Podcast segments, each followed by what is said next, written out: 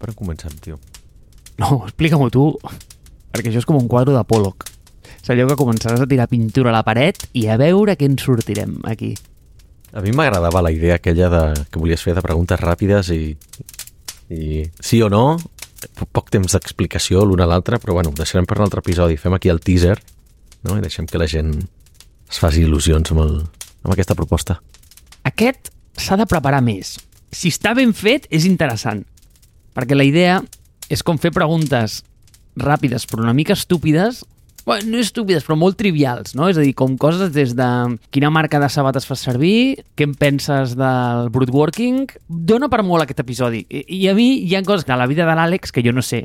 Tio, Àlex, tu què ets? De Colacao o de Nesquik? I llavors, segur que darrere, perquè a darrere totes les coses que nosaltres fem sempre hi ha una opinió de, informada o desinformada. I llavors, la gràcia d'aquest episodi és que tu fas la pregunta ràpida i us contestes, o sigui, doncs la resposta, i un petit espai publicitari pel per què.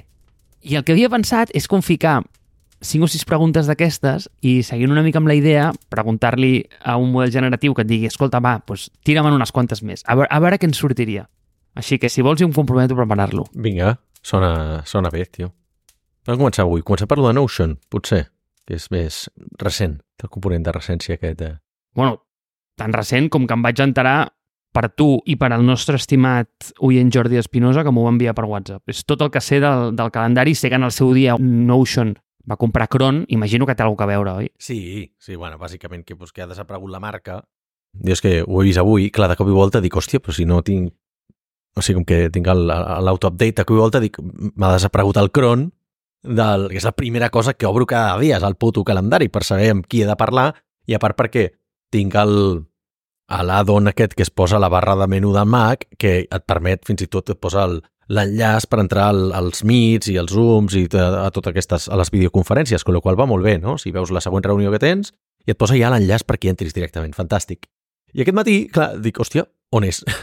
on és l'enllaç, saps? On és l'enllaç i on és la icona a, a, la, a la doc bar del Mac de, de Cron? Dic, collons, ha desaparegut, no? I al xat d'empresa veig que havien posat això. O sigui, un tuit del fundador de Cron que diu, bueno, que des que es va unir a Notion, no sé què, les coses han anat molt bé, com, com tu dius, formava part d'una adquisició. Jo ara no la recordava, eh, aquesta, aquesta adquisició, vull dir, ah, també és veritat que la meva memòria de peix de colors tampoc em permet recordar moltes coses que no tinguin a veure amb el meu dia a dia més immediat.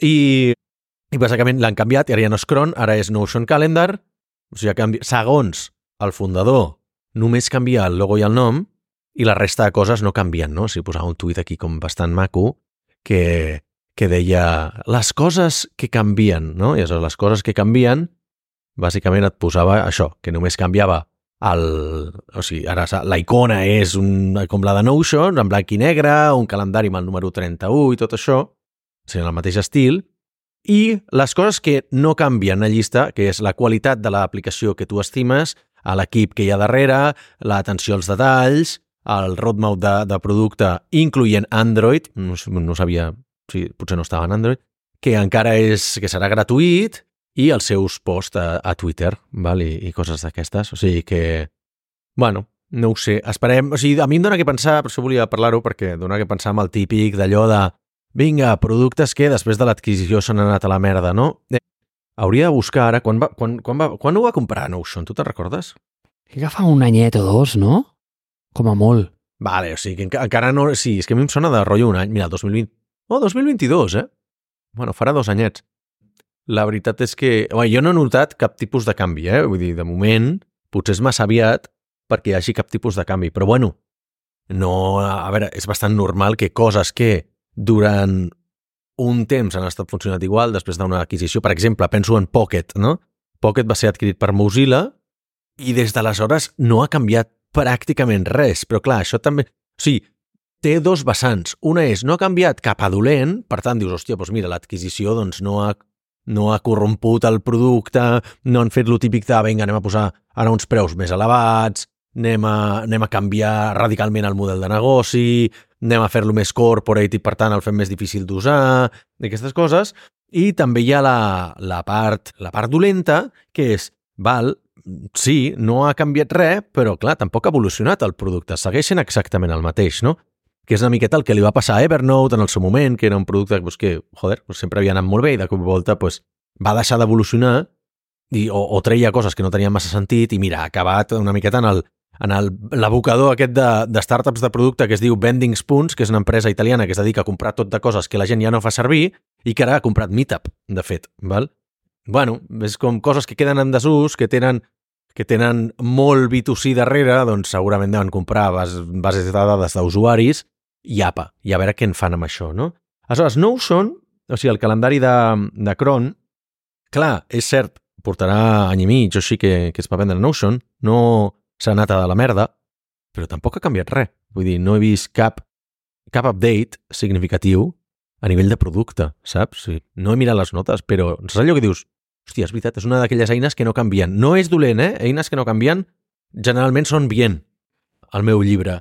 Però, però bueno, clar, et fa pensar si realment un producte que no canvia molt, generalment arriba a un punt en què això vol dir que internament tampoc es té en alta consideració i s'acaba discontinuant. Val? Si no, tu el vols fer evolucionar. Per això no sé com ho veus tu, tio, aquesta adquisició. Tu n'eres usuari, eh, de Cron? Jo ja era usuari, sí, sí, porto... Pues, no sé, portaré dos anys. Realment va ser començar a fer-lo servir i al poc temps va ser quan el va comprar Notion. De fet, diria que potser me'l vaig posar durant la pandèmia, o sigui, potser fa tres anys. Anem per punts. Primer punt, igual aquest és el més filosòfic, eh? I és que cada vegada que passa una cosa d'aquestes m'adono que em faig gran, perquè em fa molta mandra adoptar la nova tecnologia. Abans la perseguia com un tonto un llapis. A dia d'avui, t'ho juro, Àlex, que quan veig això, sento com aquest buit a dintre que penso, uf, quina mandra ara posar-te a provar això i em dono compte que amb el temps faig servir tecnologia jubilat.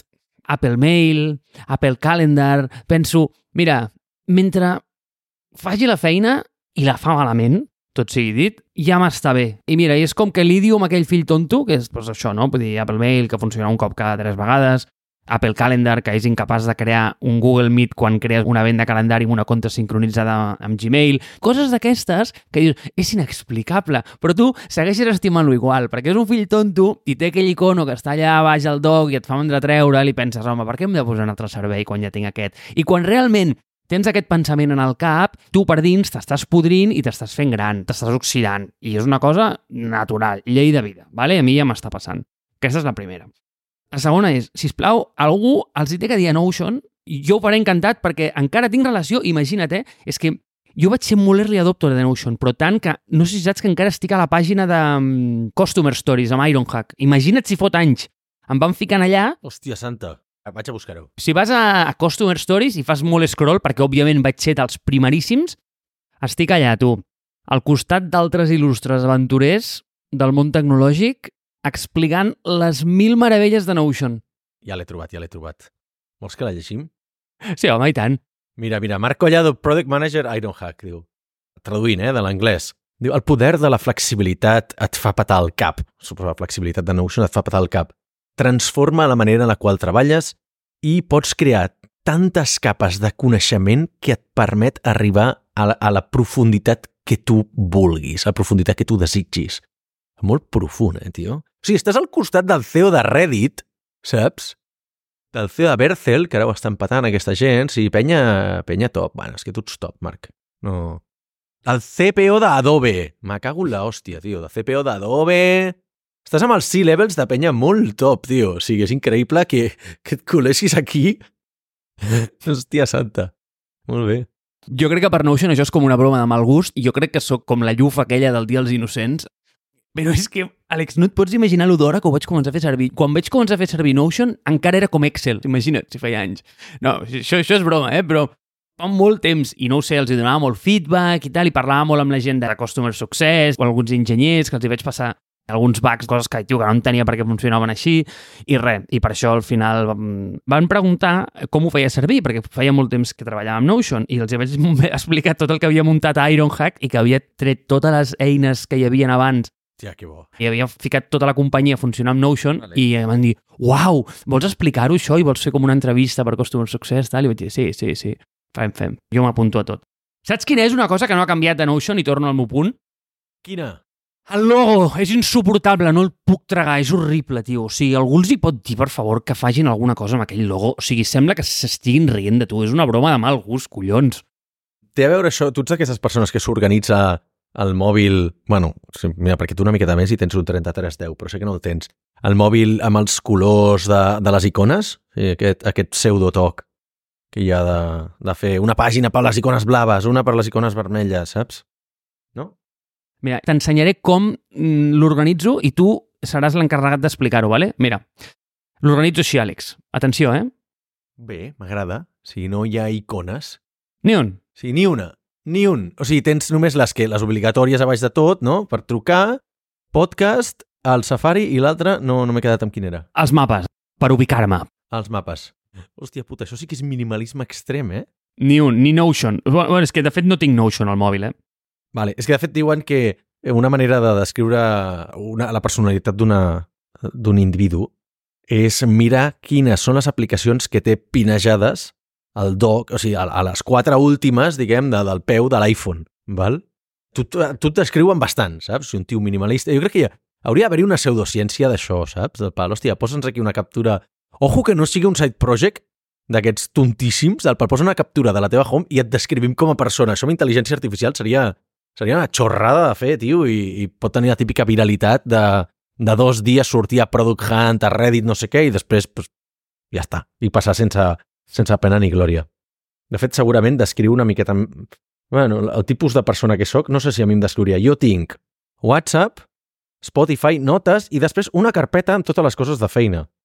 Però realment la carpeta aquesta de coses de feina tampoc la faig servir tant. O sigui que no, no soc, a, mi no, a mi no funcionaria tant, saps? Ah, o sigui, tu ets dels que es fica carpetes al doc, eh? Tinc una, però la veritat és que no la faig servir mai, perquè coses de feina realment només faig servir l'Slack, potser on the go. Vull dir, no... Hosti, vius al límit, Déu meu. Ja, No, tio, és que jo no tinc ni Slack al mòbil, saps? O sigui, però estem bojos o què? ja potser hauria de tenir... Bueno, clar, és que superhuman... Clar, no, no tinc certes coses al doc que ja puc obrir a través de les notificacions o dels widgets, no? No sé, tio. I a més, com que jo sóc d'aquestes persones que realment tenen les mate- mateixes aplicacions de fa 10 anys, les tinc en la mateixa posició. I cada cop que em canvio el telèfon i tal, les he de posar al mateix lloc. Perquè, clar, tinc el múscul entrenat de que si vull entrar a Maps, Maps ha d'estar allà, tio, perquè com per algú se'm mogui, el meu cervell peta, saps? Twitter, Duolingo, no sé què, sempre han d'estar en la mateixa posició, saps? Però bueno, en fi, són capricis. No, jo per buscar-les, Àlex, baixo, faig aquest scroll cap a baix, llavors escric el que vull. No, Llavors allà surt l'aplicació i, i faig clic. massa clics. Ja sé que això igual em penalitza mm, 33 segons diaris, que al final, doncs, cumulativament al cap de l'any acaben sent bastant. Al cap de la teva vida, segurament és un, un o dos anys de vida, eh, Marc? Estic perdent uns anys de vida només pel fet de no tenir cap aplicació a la vista a la primera pantalla. Ojo. Cuidado, cuidado. Abans, la versió boomer d'això era saber quines cançons tenies al, a l'iPod. Ah, sí, bueno, sí, quan podies tenir 20, bàsicament, no? Bueno, no, l'iPhone aniria sent... A, a, al- al- a l'iPod Touch, crec que ja era la primera podies tenir 100 cançons, si no recordo malament, que ja era més o menys d'aquest ordre de magnitud. Podies tenir 100 cançons allà. era, era com, uau, el game changer. Pues, Àlex, tornem al, al, logo del, de, de Notion. Sí, digues, perquè... Perquè el del calendari és igual de lleig. Bueno, sí, és que jo en general els trobo una puta merda, tots aquests logos que són de... O sigui, l'estil de Notion, sí, és que a més és que és molt lleig, tio. Està com una miqueta inclús pixelat. O sigui, no diré pixelat, però és una miqueta baixa definició, saps? A veure, això també props pel el dissenyador que ho va fer perquè igual es pensa que ha creat un disseny temporal. El logo és exactament igual des del primer dia que el van treure. A veure, és una broma de mal gust el disseny, realment, i tu el poses com al costat de tots els logos. Per cert, jo tinc una molt bona amiga que ordena les pantalles del telèfon per colors, que em sembla surreal. O sigui... Ja, sí, sí. Bé, Jo conec força gent així, eh? Eh, sí, sí. El següent nivell ja també és per treure's els colors i tot, saps? Vull dir que és la, la gent que ja més minimalista que té l'iPhone en blanc i negre i així et fa passar menys temps amb el telèfon, saps? Perquè com que és en blanc i negre, doncs ja no ho gaudeixes tant. Bueno, si has d'arribar a aquest punt, doncs potser deixa el telèfon. Sí. Jo això ho he explorat, però té un problema. A veure, ho pots fer servir 99% de les vegades. El que passa és que a mi hi ha una cosa que m'agrada molt fer amb l'iPhone. Hòstia, bé, és, és que realment li dono uns usos molt d'avi, eh? Però m'agrada molt mirar fotos. I a veure, mirar fotos en blanc i negre, igual que, que ja no és un tema de, de si és addictiu o no, és un tema de que està bé, val? però tampoc cal tornar als anys 40. a les fotos els hi hem posat color per alguna cosa, no? I, i ja està bé. I no és que la meva pantalla realment brilli molt per la qualitat de, de, dels seus píxels, no? Perquè realment encara tinc, com l'Àlex diu, el, aquest iPhone 3, i clar, realment no és, no és un dels seus forts, però home, color ja té, vale? llavors això està bé. Però, si plau, tornem a Notion, home, tornem a Notion. Primer hem dit de fer-se gran. Després hem comentat lo del logo que em sembla incomprensible, però en fi, els hi passarem.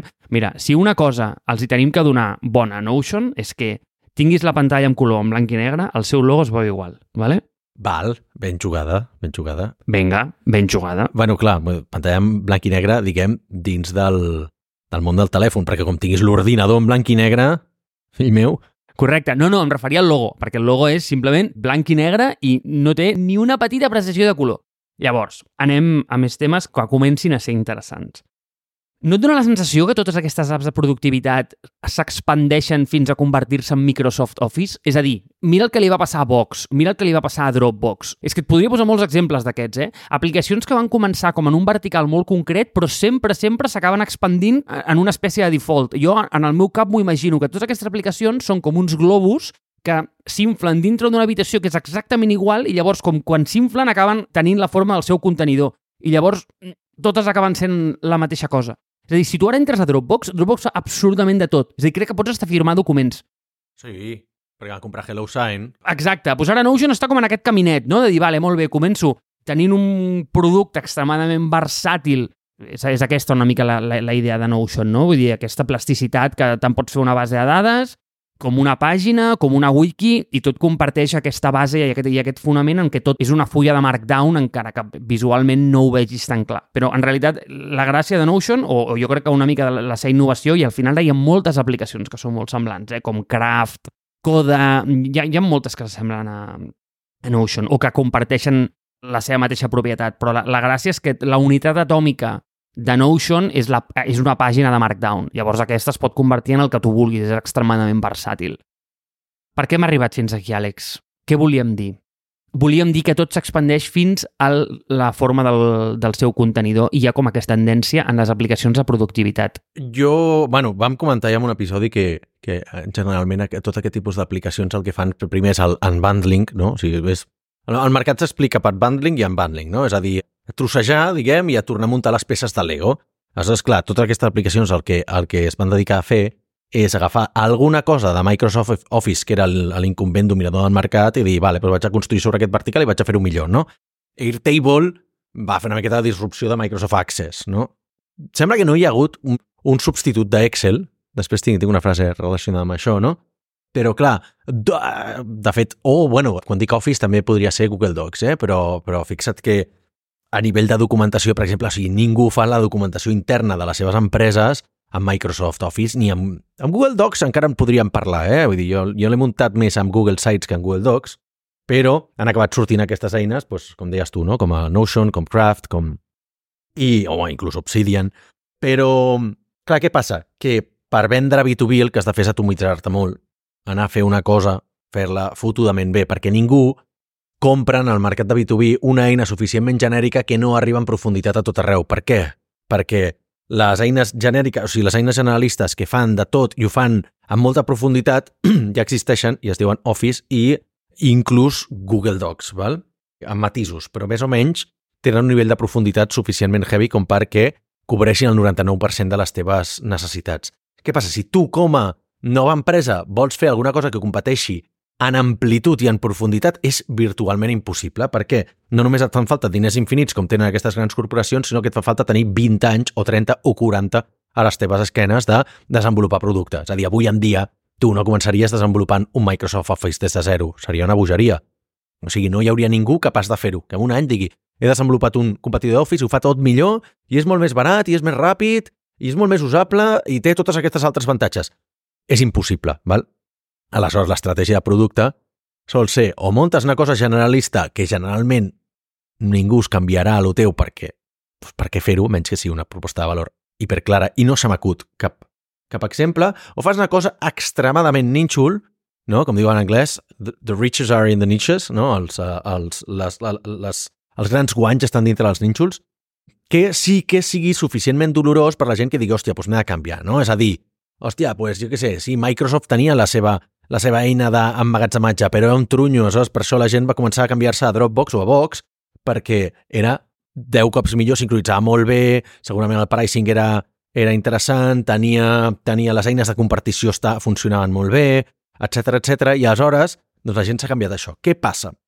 Que arriba un punt en què com a empresa, si t'ha anat molt bé especialitzant-te i acabes abarcant un gran percentatge del teu nínxol de mercat, generalment totes aquestes empreses han passat per Venture Capital. Aleshores, el Venture Capital t'obliga... A...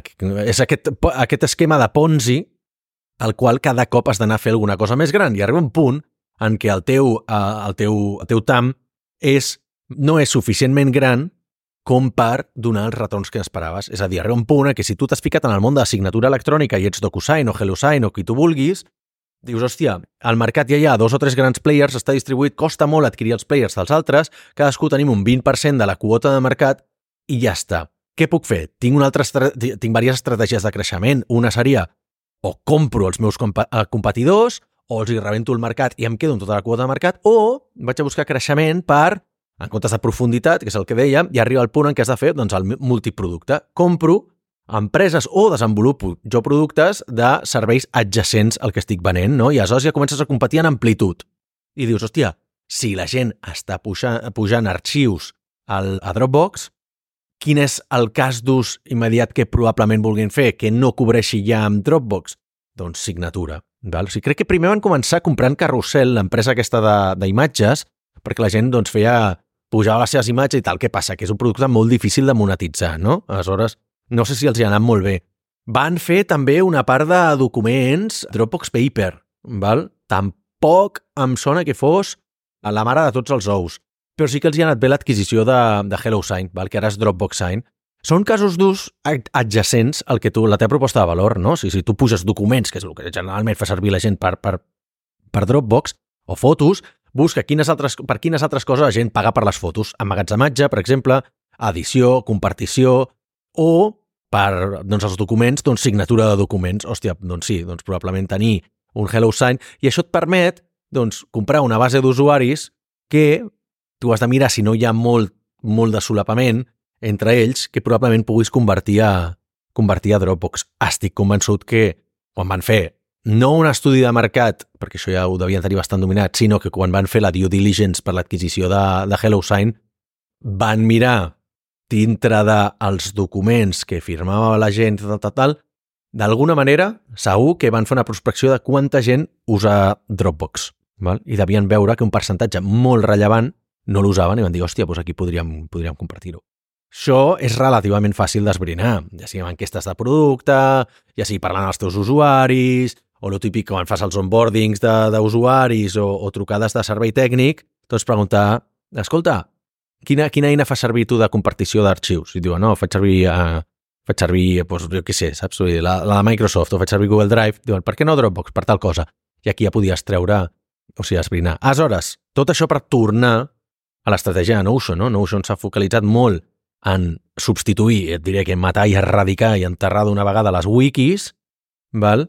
i han fet el producte, digue-li quasi perfecte en aquest sentit, per cobrir aquest nínxol de mercat. No obstant, s'han trobat que la gent tampoc paga molt per això. Jo crec que el que s'han trobat és que el potencial de creixement de mercat no és suficientment interessant com per seguir només amb aquesta ruta i han de començar a diversificar. Val? Si a partir de certa ronda doncs ja dius, vinga, va, vaig a buscar mercats adjacents perquè potser ja no estic creixent suficient en el món de la documentació. No? I aleshores han dit, bueno, quin, qui, quin mercat tinc que jo estic més o menys dominant. I el, el de Notion, en aquest cas, és el de la doncs, productivitat. No? O sigui, productes d'aquests, de la onada aquesta de productes macos, que són per gent que es considera altament productiva, tipus Superhuman, Linear, Cron, Craft, etc etc, aquesta nova fornada de productes molt macos que fan una cosa i la fan bé, que tots, eventualment, competiran per ser el nou Microsoft Office. No? I aleshores doncs, Notion aquí ha fet un pas endavant però segur que n'hi ha, segur que n'hi ha d'altres, eh? Vull dir que, que ara començaran, quan, sigui, quan agafin suficient envergadura per comprar comprar, doncs es compraran els uns als altres, Linear comprarà Craft, per dir alguna cosa, predicció completament a, a, a, al bulto, però i, i altres, jo què sé, saps? No sé qui comprarà Obsidian, o sigui, Notion potser compra Obsidian i començaran a fer-se grans per fer-se conglomerats, creixen usuaris, creixen valoració i potencialment tenir una, o una sortida a bolsa o una, una, una venda a un player encara més gran. Clar, és que mira, has mencionat el tema del bundling i l'unbundling, aquesta tendència que, que n'hem parlat 30.000 vegades i que està extremadament documentada en aquest podcast. Llavors, si tu et fixes, tornant al cas de universitari o al business case, els ensenyen en els MBAs de bundling en bundling, és que, bueno, al final quasi, quasi cada categoria de Craigslist es va convertir en una billion dollar company. El, el vertical de real estate va convertir-se pues, en Airbnb. El de cotxes pues, va ser el d'Uber. Whatever, és igual. Vull dir, cada verticalet de, de Craigslist donava per fer una, una billion dollar company que al final era molt més gran que no pas el propi Craigslist, que el pobret es va quedar allà, no? no sé, ara no recordo quan, vaig llegir l'unbundling de l'spreadsheet. És a dir, hi, hi havia aquella imatge de l'unbundling de Craigslist i sortia totes les companyies que van sortir de Craigslist de tots els verticals i hi havia el mateix per l'Excel. Llavors, et dona que pensar de que els usos que se li ha donat a Excel han sigut infinits i d'allà s'han atomitzat un munt de companyies de project management, de finances, de producció de contingut, de ventes, de calendaris i agendes, budgets, personal finance, merdes d'aquestes, no? Totes aquestes s'han acabat convertint en el mític SaaS.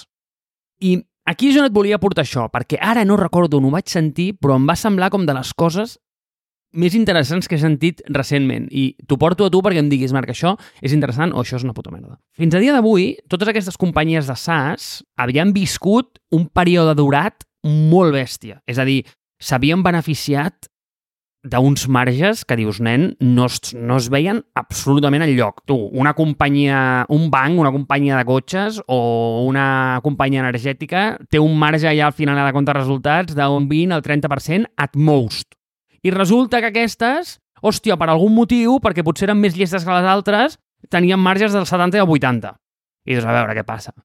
Que tot l'stock market és, és estúpid i aquests tios saben alguna que la resta no sap. És a dir, generalment totes les companyies sempre han acabat caient per defecte a una banda de marges que bé, doncs estava com això, no? en el 20 i el 30, però hi havia un sector que a internet, per algun motiu, tenien un 80 o, i algunes bogeries del 90. El punt era que la raó per la qual aquests marges havien estat tan alts era perquè aquestes companyies havien viscut en un període on literalment estaven arbitrant la manca d'enginyers o de persones que es podien dedicar a crear aquests productes, que era molt petita perquè el mercat era molt nou, fins a un món en el que hi havia eines, exemple, intel·ligència artificial, on aquestes coses serien molt més trivials de fer eh, o de crear. I que hi havia un excés de software d'aquest de SaaS en el que les companyies s'estaven morint pagant mils d'euros a l'any per aquest tipus de productes, bé, has de contractar Slack, has de contractar Notion, has de contractar Factorial, has de contractar, ja saps, no? Tota la llista, tots els sospitosos. Què passa? Que quan realment crea aquestes eines es fa trivial, aquests tios han d'agafar els seus marges i han de fer com una retallada a la, a la seva compte de resultats molt gran. I obre la porta i això em va donar que pensar d'aquest aquest col·lega teu, bueno, col·lega teu, és que, que t'agrada tu, el que fa allò de Hey. Ah, vale, vale, el dia de, de ACAC, sí, els de Basecamp. Sí, els de Basecamp, exacte. Col·lega meu, eh?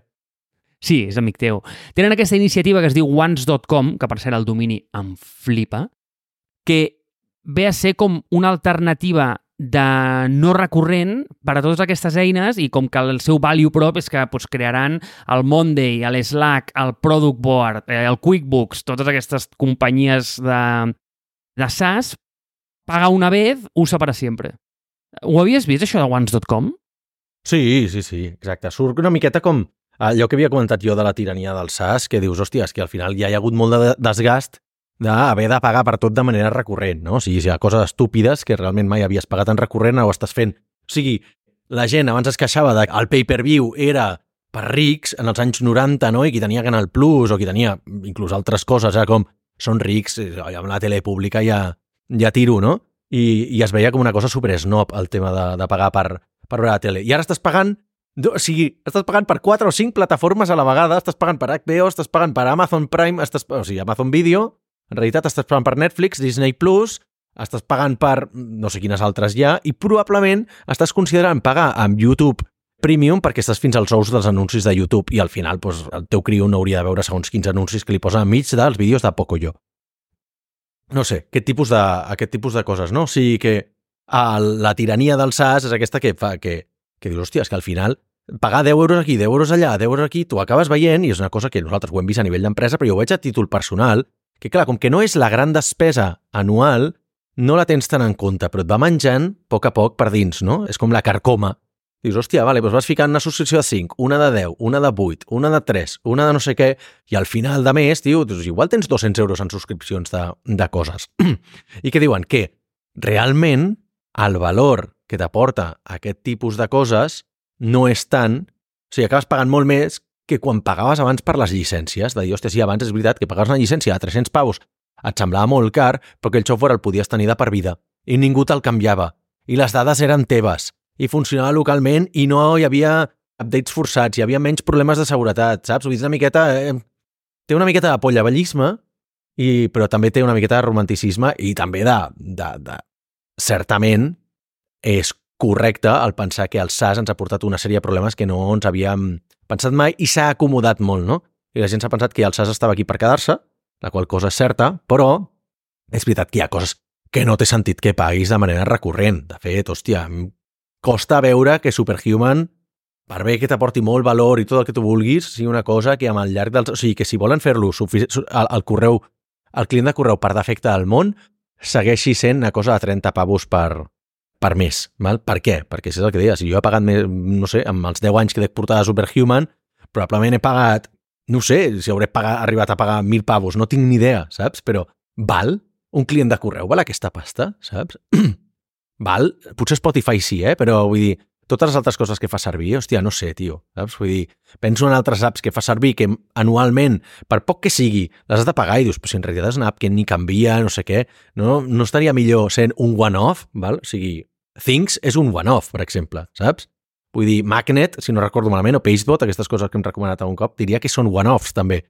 I és just, en realitat, doncs, aporten un valor relatiu, però tampoc... Després no tenen customer service, no tenen certes coses que dius, hòstia, sí, eh, realment justifica aquest preu, aquesta subscripció que els hi paguis mensualment.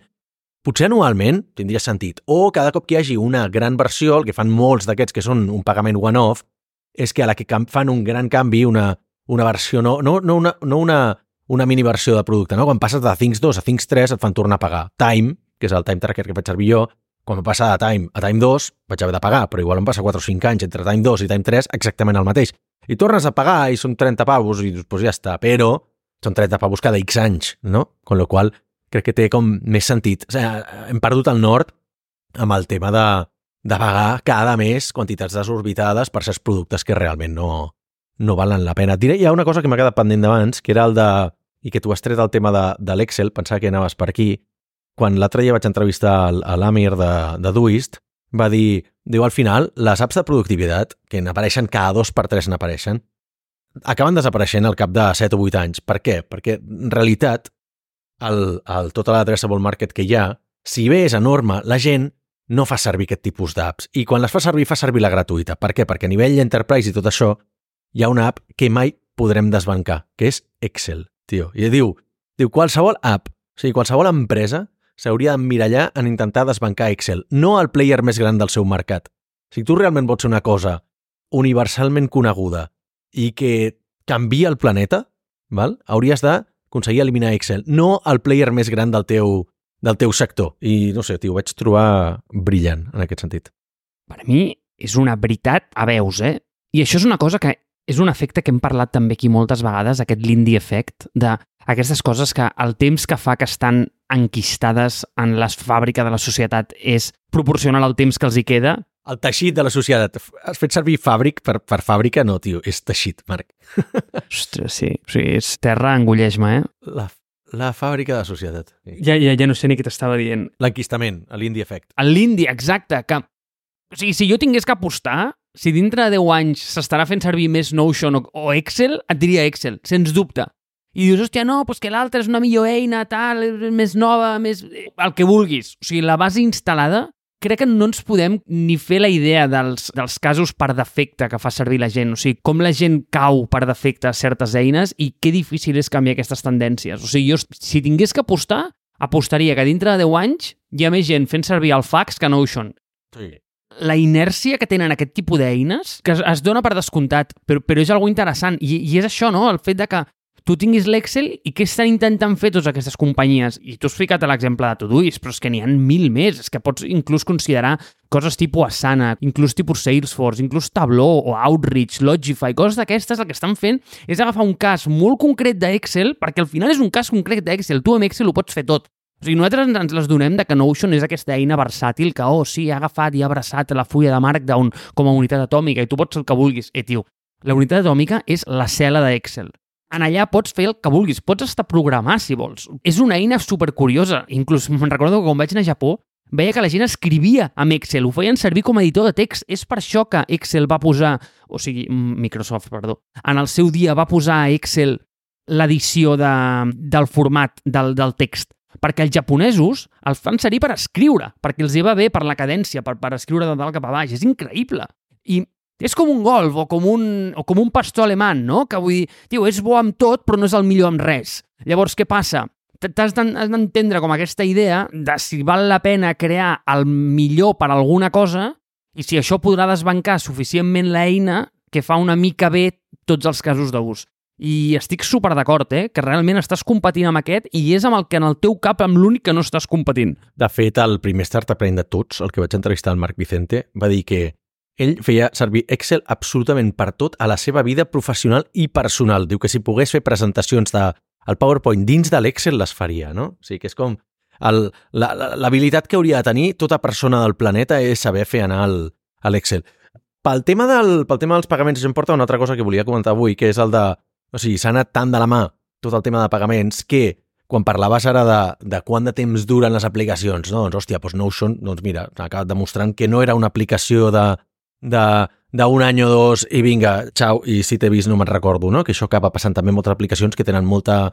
Bueno, que són, com diríem, que, que són com un, com un coet, no? Van com un coet, però que van explotant i adeu, i s'acaben evaporant d'un dia, dia per l'altre amb una manera força espectacular, no? I això, això passa, ho veiem a Silicon Valley cada dos per tres, i bueno, que no, no, no té molt a dir, no? Però i a, això ho estic veient amb el tema de les aplicacions de l'intel·ligència artificial, val?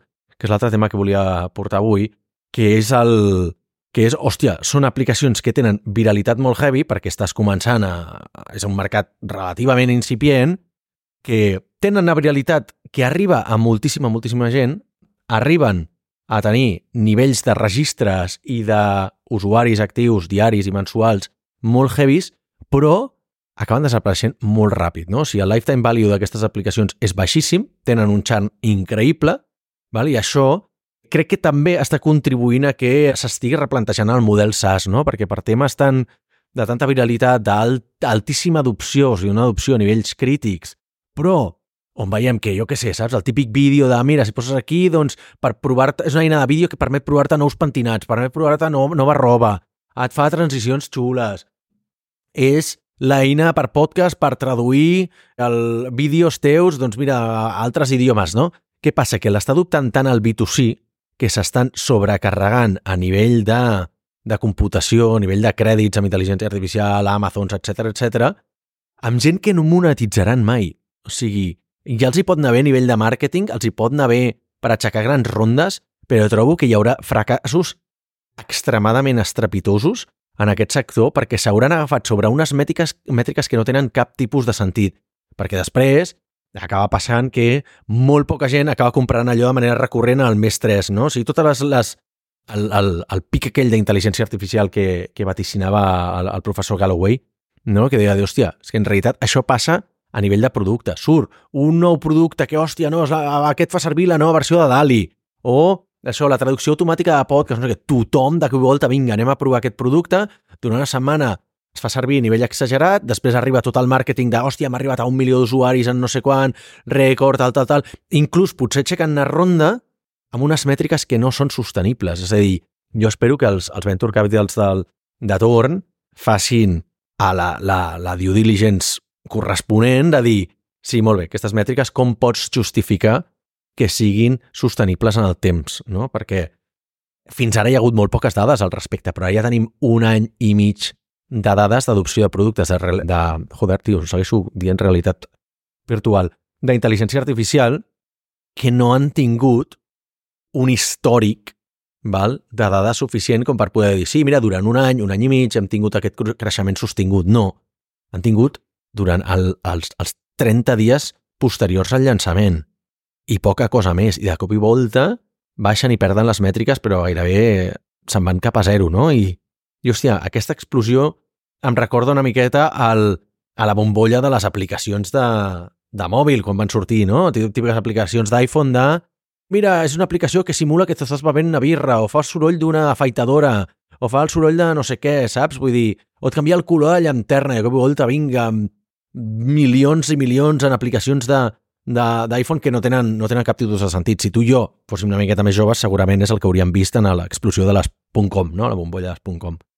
Però no ho sé, jo estic veient així i crec que estan desvirtuant molt el, el model de, la, de les aplicacions i que per això, per això en part també està desapareixent el, o està caient la tendència al SaaS perquè és que ja hi ha massa players intentant competir pel que se'n diu pel share of wallet, no? O sigui, la, la part, el percentatge de cartera que et gastes mensualment en coses, doncs tots intenten competir per, per uns, uns euros teus mensuals. Però hi ha massa gent i ha, cada cop hi ha menys valor.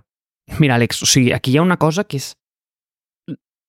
El model de negoci té que anar una mica de la mà amb la naturalesa del producte. I, jo què sé, imagina't, un avió.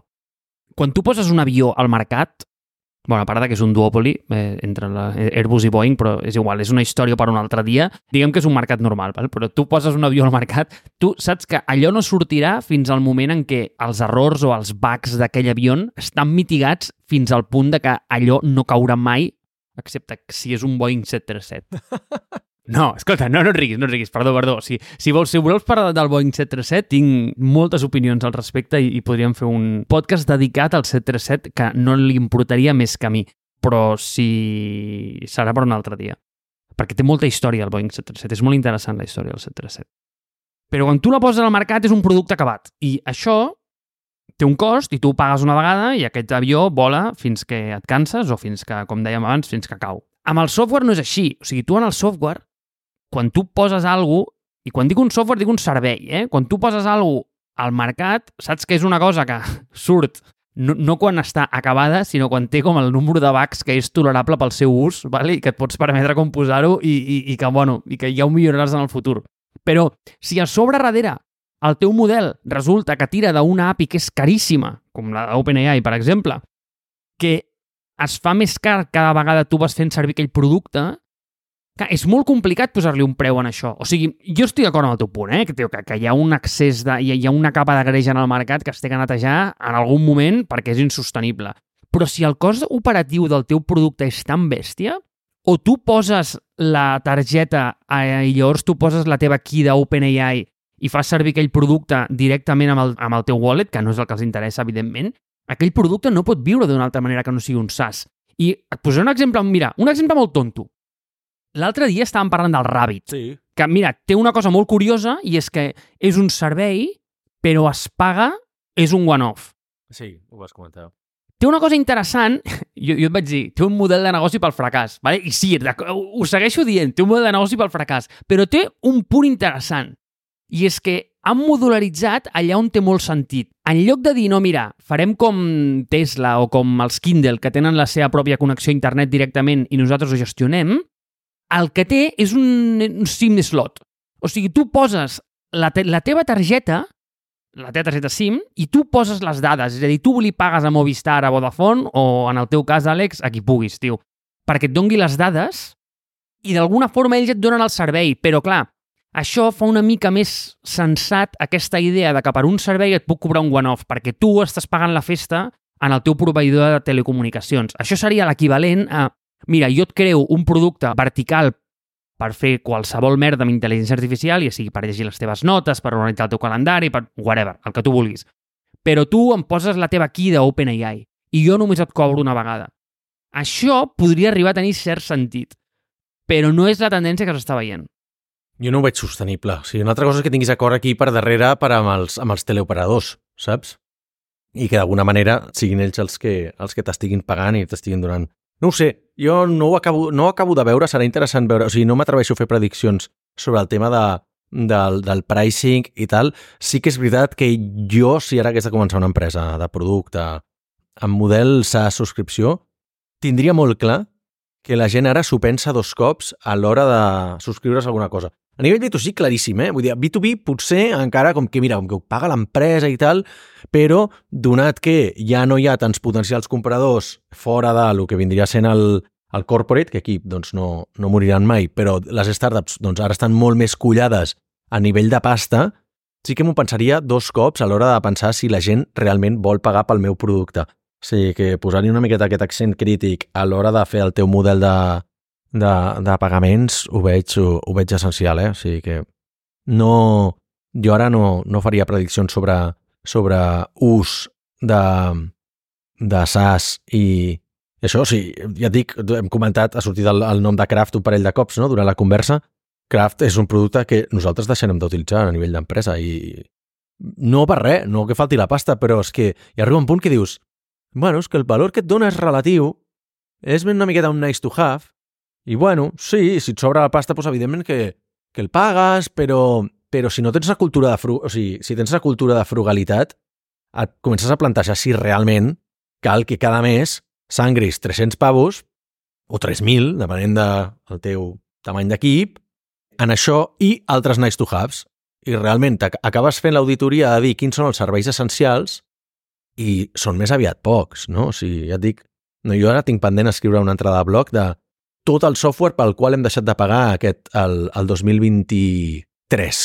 Val? I ja et dic, no per un tema de reducció de costos, sinó per, per un tema de, de, de salubritat financera a nivell d'empresa, no? De dir, hòstia, realment és que estàvem pagant per això, que el fèiem servir només quan tenim un projecte de mòbil que, clar, és un cop l'any, no? Doncs, pues, hòstia, pues jo què sé, pues parar la subscripció i et dones d'alta quan, quan realment el necessites. Aquest, només quan tenim gent que fa servir Unix a l'empresa i no fa servir Macs i Windows. Vale. Aquesta altra cosa que, bueno, en realitat, pel volum que tenim es pot fer servir amb, es pot fer amb Excel, no? O sigui, tot el CRM, ja et dic, jo em vaig patar el CRM de l'empresa perquè al final pues, ho estic fent servir amb Excel i tan tranquil, saps? Ens vam patar Basecamp, ho hem passat tot a Linear, ara ens patarem Craft, segurament ho passarem a Linear també, no? O sigui, bueno, t'acabes adonant que molts d'aquests productes són nice to have i que realment no aporten el, el valor necessari en el moment en el que estem ara, no? O sigui, I molta gent s'està replantejant aquest tipus de coses i diu, hòstia, sí, és que estic gastant molt en nice to haves, però no realment en les coses que, en les coses que importen. Per això que dic, hòstia, foteu-lo un vistazo a les coses que esteu pagant i veure si realment encara valen la pena. Llavors, Notion Calendar. Comprem o venem? Jo, a veure, és que és gratis, saps? Mentre sigui gratis, jo et seguiré fent servir. No sé, veus, ara és un clar cas de... Jo no sé si pagaria per Notion, o sigui, per, per Notion Calendar, val?